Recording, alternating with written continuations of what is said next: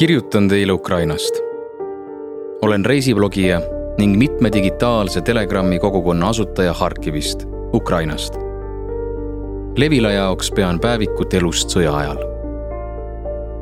Borodjanka, purustatud majade linn. sõiduks Borodjankasse valmistun ma mitu nädalat. võtan end kokku moraalselt ja füüsiliselt märgin kalendris ära päeva, et oleks selge teadmine, millal pean valmis olema. kui see päev kätte jõuab, on ilm nagu kiuste rusuvalt halliks pööranud. tibutab jäist vihma. autoga sõiduks kulub umbes tund. teele jääb Hostomel. teen mõneminutise peatuse. meenuvad sõja esimesed tunnid, kui levis uudis Hostomelis maabus Vene dessant. Need olid need kõhkluse ja kahtluse hetked, mil tundus, et Kiiev võidakse tõesti ära võtta. seejärel kerkib silme ette pilt maailma suurimast lennukist, täielikult purustatud AN kahesaja kahekümne viiest. lennuk, mis kandis nime Mrija ehk unistus, seisis Ostomeli lennuväljal. just selles piirkonnas löödi sissetungijad esimest korda tagasi ja Vene armee lahkus hea tahte märgiks Kiievi oblastist. jõuan lõpuks Borodjanka teeviidani, keeran paremale ja jään kohe seisma. väljun autost. see on alles Borodjanka serv, kuid juba siin takerdub silm paremal ja vasemal purustatud majadesse, korruste vahel haigutavatesse aukudesse. kõnnin vaikides mööda peatänavat, mitte ühtegi terveks jäänud hoonet. kui tõmmata paralleele Saltivka ja Harkiviga siis linna mastaapsuse tõttu mõjuvad purustused seal pisut teisiti. Harkivis elas enne seda miljon inimest, Saltivkas kuussada tuhat. Borodjanka oli väike linn. seal elas vaid viisteist tuhat inimest. väikeste mõõtmete ja kompaktsuse tõttu avaldab seal toime pandud hävitustöö palju rusuvamat muljet. sa oled justkui mingis arvutimängus ja su ümber on välja mõeldud dekoratsioonid. võimatu on uskuda et see kõik on päriselt. ja eriti õudne hakkab, kui mõtled, et kohalikud inimesed elavad nende dekoratsioonide keskel kogu aeg. ja nende jaoks on need purustused saanud uueks normaalsuseks. kuid isegi sellises keskkonnas töötavad ärid hoiavad piirkonda elus. ilm ei näita vähimatki kavatsust paraneda ning väike kohvik pagariäri täitub pisitasa inimestega. tullakse sooja, juuakse kohvi või teed süüakse paar saiakest ja ostetakse ka koju kaasa. tüüpiline Einela, kus kohalik rahvas käib uudiseid vahetamas. kui satud läbisõitjana sellisesse kohta, kus kõik kõiki nägupidi tunnevad, tuleb tõenäoliselt keegi sult varsti küsima, kes sa selline oled. tellin endale paar sarvesaia ja kohvi. müüja takseerib mind ja küsib, kas tulite ka Banksit vaatama nimelt on paar päeva enne minu saabumist ühele purustatud hoonele ilmunud maailmakuulsa tänavakunstniku Graffiti. ja nüüd käib Borodjankas uudisteid murdu.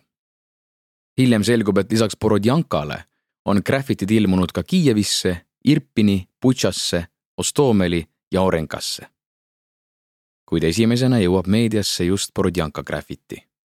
ning see väike linn satub jälle mõneks ajaks ajakirjanduse huviorbiiti Borodjanka on mõnes mõttes Irpini ja Butša varju jäänud.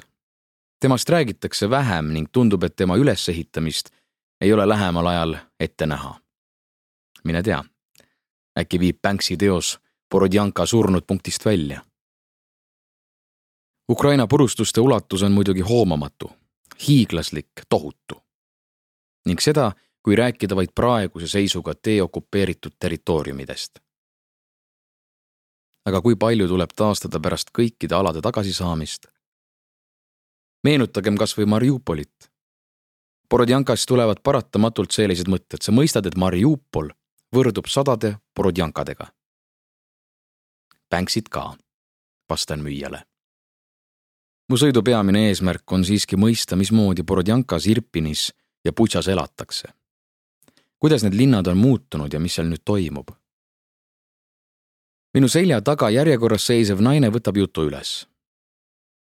ütleb, et ta on Graffiti üle rõõmus ja tõmbab Borodjankale tähelepanu. sest kohati tundub, et kõik on nende linna unustanud ja peatänav jääbki varemetesse. siis kaldub naise jutt ajale, mil Borodjanka oli okupeeritud.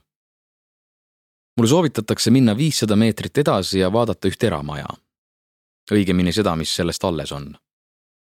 sest venelased tulistasid maja pihta tankist. Naine ütleb, et tema ei kartnud kõige rohkem mitte lennuväge, vaid seda, et maja, kus tema end peitis, tabab tankimürsk ning ta mattub elusalt keldrisse rusude alla.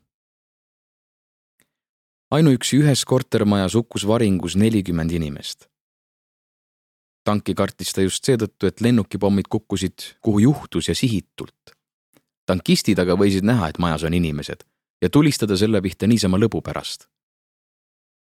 Üsna imelik on tõdeda, et sellised jutud ei paista sulle imelikena. sa tead väga hästi, millest inimene räägib ja endamisi nõustud temaga.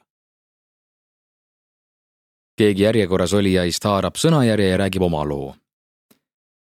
on näha, et inimesed tahavad end tühjaks rääkida ja tundeid välja lasta. keegi ei jaksa sõda endas hoida. jätan järjekorra asju arutama ja möödunut meenutama ning lähen tagasi Borodjanka peatänavale. Ilm on veel sandimaks läinud, sadu tugevnenud veetnud veerand tundi kohvikus kohalike seltsis, hakkan isegi tahtmatult võõraid märkama. silma jääb väike rühm inimesi, kes liiguvad kuidagi väga sihikindlalt.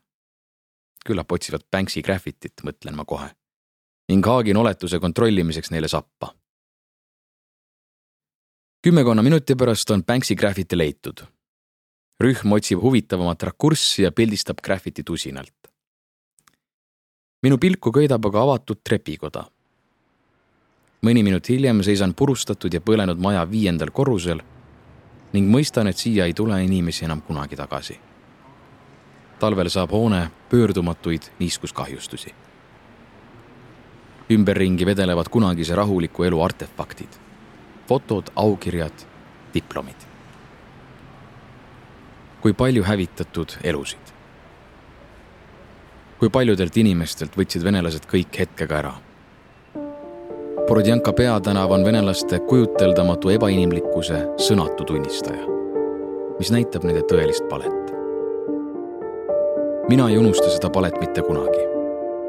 nagu ka kõik Borodjanka inimesed, nagu kõik ukrainlased.